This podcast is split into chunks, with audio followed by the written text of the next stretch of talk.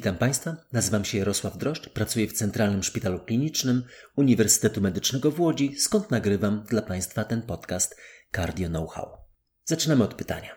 80-letnia pacjentka w bardzo dobrym stanie biologicznym, z ciężką niedomykalnością mitralną, pierścień zastawki mitralnej 43 mm, trójdzielnej 34 mm i wyczerpany wszystkie możliwości leczenia farmakologicznego.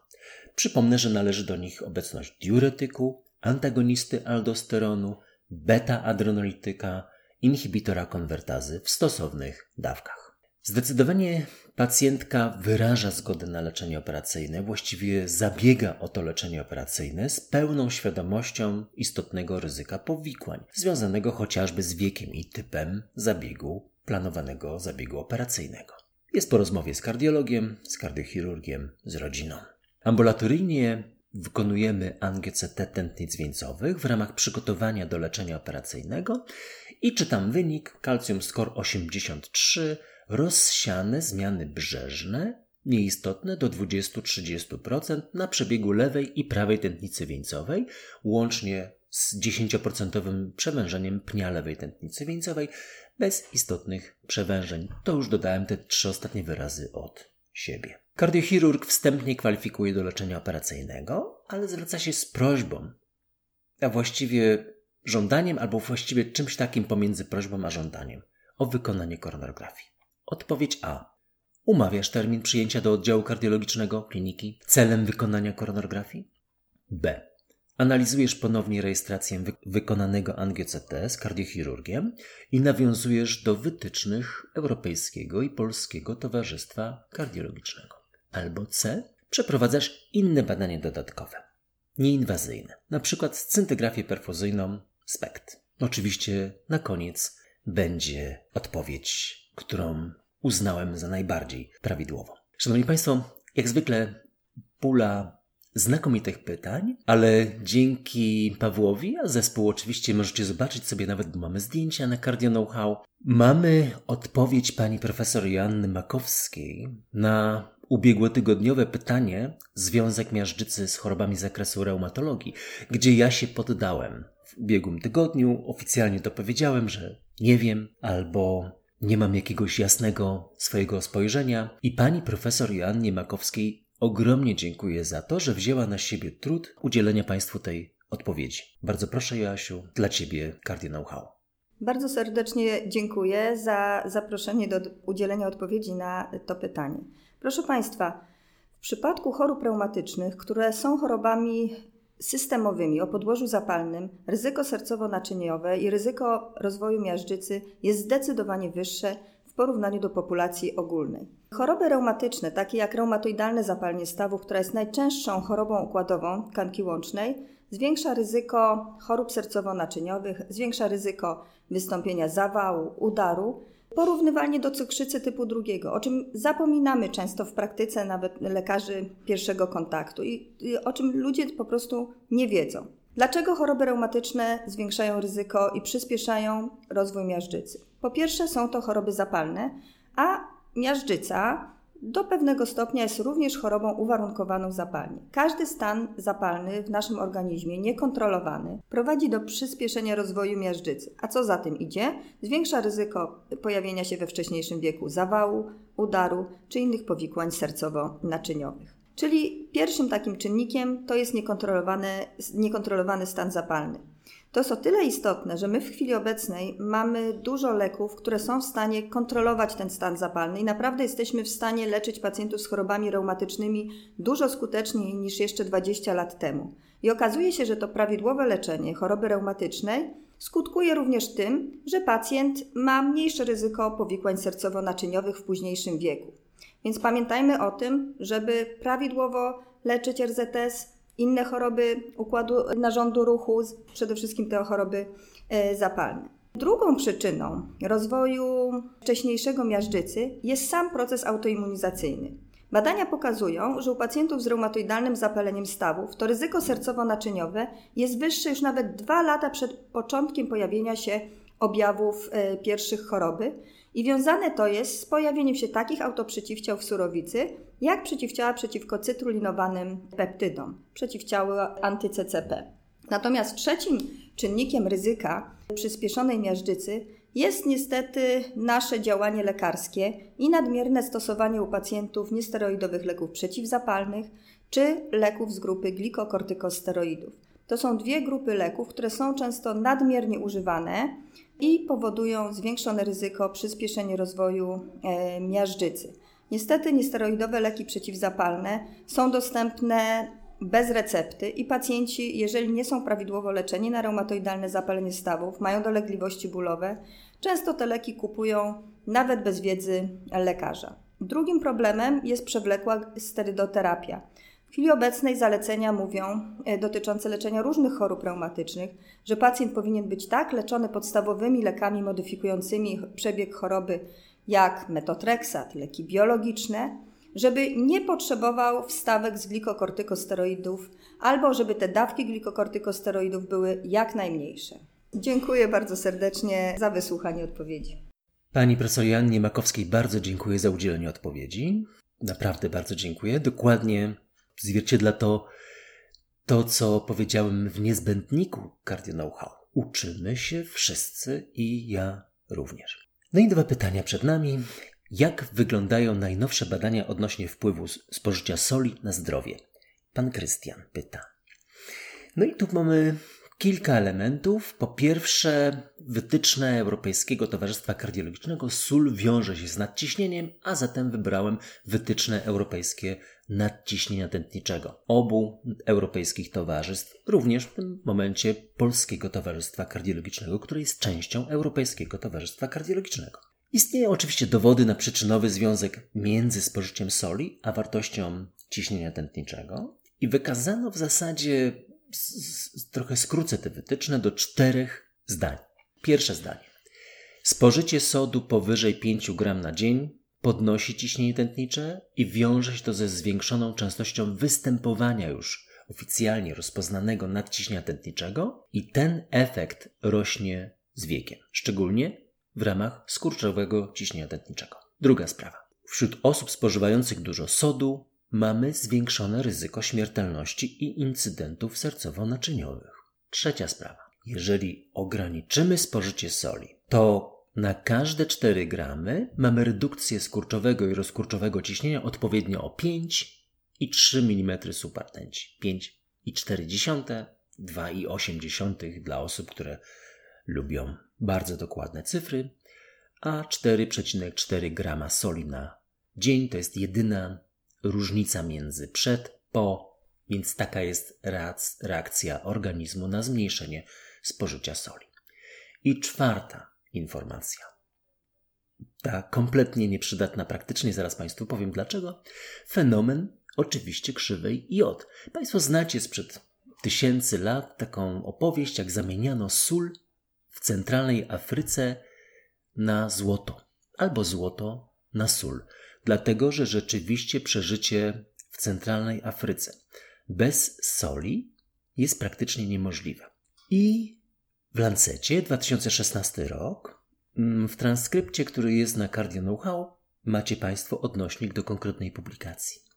Jest informacja, że ta granica ten najniższy fragment krzywej J dotyczy spożycia soli 3 gramy sodu dziennie. Co to oznacza? Oznacza to, że rzeczywiście jakaś porcja soli powinna być przyjmowana przez organizm, przez każdego z nas. Ale w normalnej sytuacji mamy w granicach 10 gramów sodu na dzień. I dlatego uważam, że i nie znam osoby, która by przyjmowała mniej niż 3 gramy sodu dziennie. Jeśli Państwo chcecie zobaczyć, ile Wy przyjmujecie, są tabele, można policzyć. Zwykle wychodzi około 10 gramów. Takie normalne, zdrowe życie. Oczywiście niezdrowe życie to jest 20 gramów dziennie. I druga sprawa, co mówi literatura na ten temat?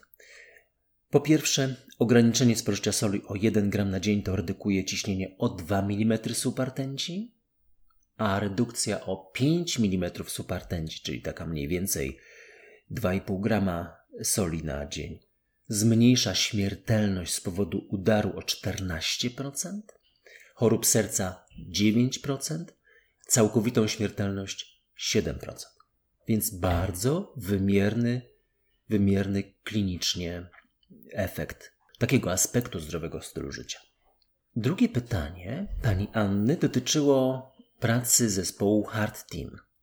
No i znowu nawiążmy do tego, co mówi podręcznik Polskiego Towarzystwa Kardiologicznego, wytyczne oraz, co najważniejsze, nasza praktyka kliniczna w Centralnym Szpitalu Klinicznym. Otóż jest to wielospecjalistyczny zespół doświadczonych lekarzy z różnych specjalności: kardiologia, kardiochirurgia, chirurgia naczyniowa. Ale dopiszę tu pewien fragment, który nie jest wspomniany w wytycznych. Żaden z tych lekarzy nie może nadmiernie dominować.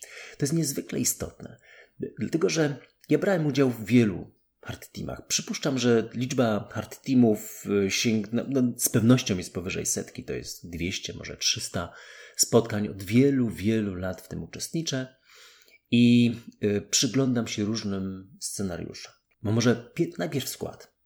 Kardiolog, tak? kardiolog interwencyjny, kardiochirurg, lekarz prowadzący konkretnego pacjenta i pacjent. Pięć składników takiego prawidłowego hard teamu. Pacjent nie uczestniczy w pierwszych fragmentach, pierwszych etapach dyskusji. Uczestniczą ci czterej profesjonaliści, ale potem pacjent dołącza, mając konkretnie przedstawiony problem i naszą sugestię rozwiązania. Czasami elektrokardiolog do tego dołącza, anestezjolog, nefrolog, internista, ale to są już rzadsze scenariusze. Jeżeli dominuje kardiolog, to raczej decyzja, to oczywiście zależy trochę od wieku, od specyfiki, od temperamentu, ta decyzja nie jest właściwie wyważona. Jeszcze gorzej, jeżeli dominuje kardiochirurg, to na pewno nie jest to nic dobrego. Dobrze, jak to są lekarze mniej więcej podobnych temperamentów, absolutnie nie mających takiego pomysłu, żeby się zgadzać na coś, do czego nie są wewnętrznie przekonani, ale żeby ta dyskusja była otwarta, muszą mieć rzeczywiście wolę. Najważniejszym elementem działania Hard Teamu jest sukces w postaci uratowanego pacjenta. Uratowanego mówię ogólnie, bo to nie zawsze zakwalifikowanego do operacji czy zabiegu, czasami zdyskwalifikowany z zabiegu, który książki mówią, że należy zrobić. To jest bardzo trudna decyzja. Nie będę o tym długo mówił, ale to naprawdę są indywidualne decyzje. No, trzeba mieć czas na to, trzeba mieć doświadczenie, wolę i mieć taką, taki rodzaj misji, że nikt tak jak my w zespole nie podejmiemy decyzji, bierzemy za to całkowitą odpowiedzialność, a pacjent oczywiście życzymy sobie, żeby wyraził na to zgodę, ale ma taką rolę, mm, powiedziałbym, że wyrażenia zgody, bo nad tego rodzaju doświadczonym hard teamem już nic nie ma. Nie ma żadnego etapu y, diagnostyki, nie można się odwołać do nikogo, bo to jest rzeczywiście taki skład najlepszych z najlepszych. Trochę o historii. Więc jesteśmy, zauważyłem ku zgrozie, mniej więcej równolatkami, jeżeli chodzi o hard teamy, a w zasadzie nie o hard teamy, tylko zespoły bo te pierwsze były onkologiczne. Nie hard teamy, tylko jakieś tumor teamy. Nazywało się tumor boards. W latach 60., może powiedzmy tak. 30 lat później, w 90. latach, te decyzje kardiologiczne zostały po raz pierwszy dyskutowane w tego rodzaju zespołach, kiedy doszło do rozwoju kardiologii interwencyjnej.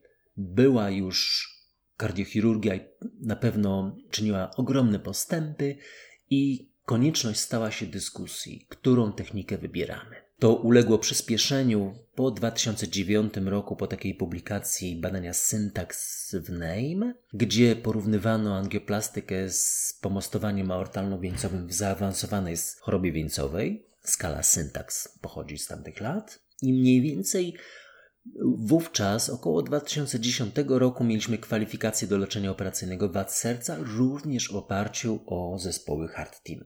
Dziś rozważamy TAVI bądź klasyczną operację wymiany zastawki właśnie na tego rodzaju zespołach.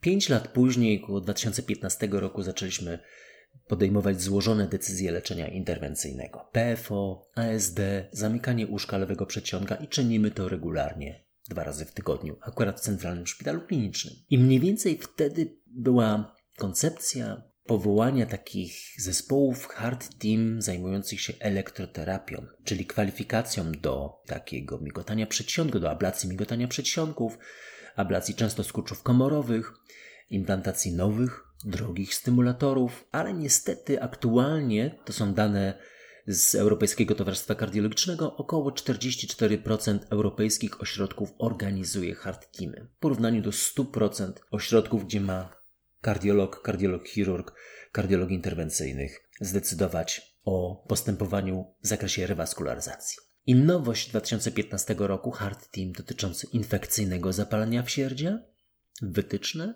a 2018 rok Hard Team do spraw ciąży, więc to jest dość złożona sytuacja, złożone zespoły, cały czas rozbudowana koncepcja hard teamów, poszerzająca zakres podejmowanych decyzji. Oczywiście na to czas, środki, ale przede wszystkim ludzi. I w chwili obecnej istnieją takie koncepcje, żeby wszystkie złożone schorzenia serca, naczyń i innych narządów, niewydolność serca podejmować na hard teamach i my tak robimy.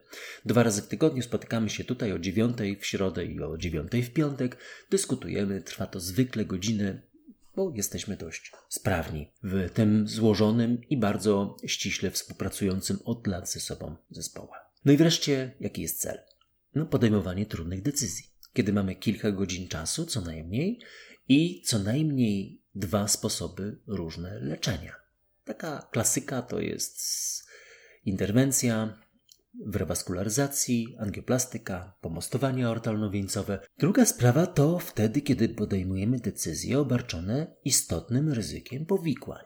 My musimy o tym rozmawiać. Czy to powikłanie jest uzasadnione, czy to ryzyko jest uzasadnione, powikłania wkomponowane w naszą strategię pracy. Na pewno powinniśmy rozmawiać podejmując decyzje w kwestii interwencji kosztochłonnych.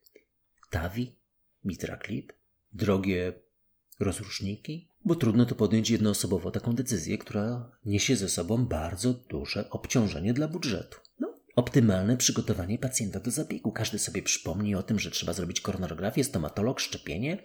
Yy, każdy, mówię, ktoś z zespołu yy, zawsze w grupie te y, sytuacje się rozstrzyga lepiej. No, przekazanie decyzji pacjentowi to regularnie robimy od wielu, wielu lat, no mniej więcej 20, jak ja pamiętam. Uzyskanie świadomej zgody. Pacjent przychodzi na hard team, wchodzi do pomieszczenia, gdzie jest 10-15 osób i ma przedstawioną opcję. No, zwykle to wystarcza nam 2-3 zdania, żeby przedstawić, jaką wybraliśmy dla pacjenta najlepszą opcję leczenia, ewentualne ryzyko i pacjent udziela bądź nie zgody na zabieg. No i wreszcie Szósty, ostatni, może i nawet najważniejszy cel to jest edukacja kadr medycznych. Młodzi ludzie uczą się od starszych, a starsi uczą się od młodych. A zatem, co powinniśmy zrobić i co zrobiliśmy wczoraj podczas hard teamu dyskutując o naszej pacjentce? Oczywiście analizujemy ponownie rejestrację wykonywanego, wykonanego angio-CT z kardiochirurgiem nawiązujemy do wytycznych i dość intensywnie przekonujemy kardiochirurga, że kardiologia współczesna, posiadając kliniczną ocenę danego pacjenta, wspartą angio-CT, wynikiem angio-CT w nowoczesnym szpitalu, najnowszej e, wersji aparatury, doświadczonym zespołem radiologów, potrafi wykluczyć istotne przewężenia tętnic wieńcowych z bardzo dużym prawdopodobieństwem. I tak się też stało wczoraj. Szanowni Państwo, bardzo dziękuję. Bardzo dziękuję Pani profesor Jannie Makowskiej. Jeżeli Państwo będziecie mieli jakieś uwagi, komentarze, pytania, to kierujcie media społecznościowe. Postaram się udzielić odpowiedzi. Najwyżej powiem, że nie wiem. Na tych mediach społecznościowych znajdziecie także w przyszłości głosowanie na następne tematy odcinków podcastu, a ja postaram się spełnić większość z Państwa oczekiwań i będę bardzo Państwu wdzięczny za promocję podcastu Cardio Know-how wśród lekarzy. Dziękuję bardzo.